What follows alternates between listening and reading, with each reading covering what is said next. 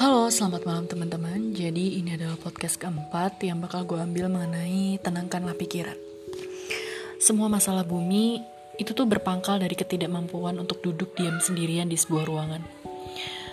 Gue yakin akan mampu bersikap tenang sejauh itu, tapi percaya bahwa pikiran yang tenang adalah fondasi ketenangan batin.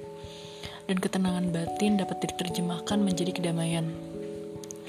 Walaupun ada banyak teknik untuk menenangkan pikiran, seperti refleksi, bernapas dalam-dalam, kontemplasi, dan visualisasi, bahkan teknik yang paling banyak diterima dan secara teratur digunakan yaitu senyuman.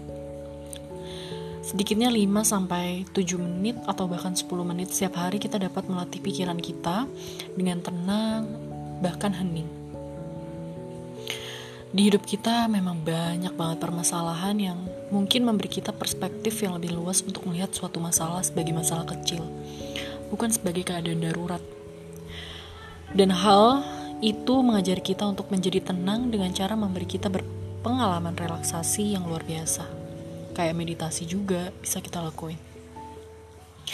Ada berbagai banyak bentuk variasi yang mungkin kita nggak tahu dengan cara sesimpel untuk kayak smile everywhere gitu. Jadi bikin kita kayak, duh, kuat. Setiap masalah pasti ada. Tapi semua pasti ada jalan keluarnya. Pasti ada jalan. Biasanya kita kan suka terlalu memikirkan hal rumit yang padahal itu bakal bisa kita selesaiin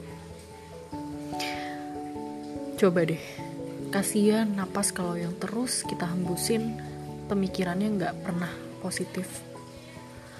Lakukanlah berulang-ulang, lama-kelamaan, habit itu pasti akan terlatih untuk menjaga diri kita untuk terus lebih baik.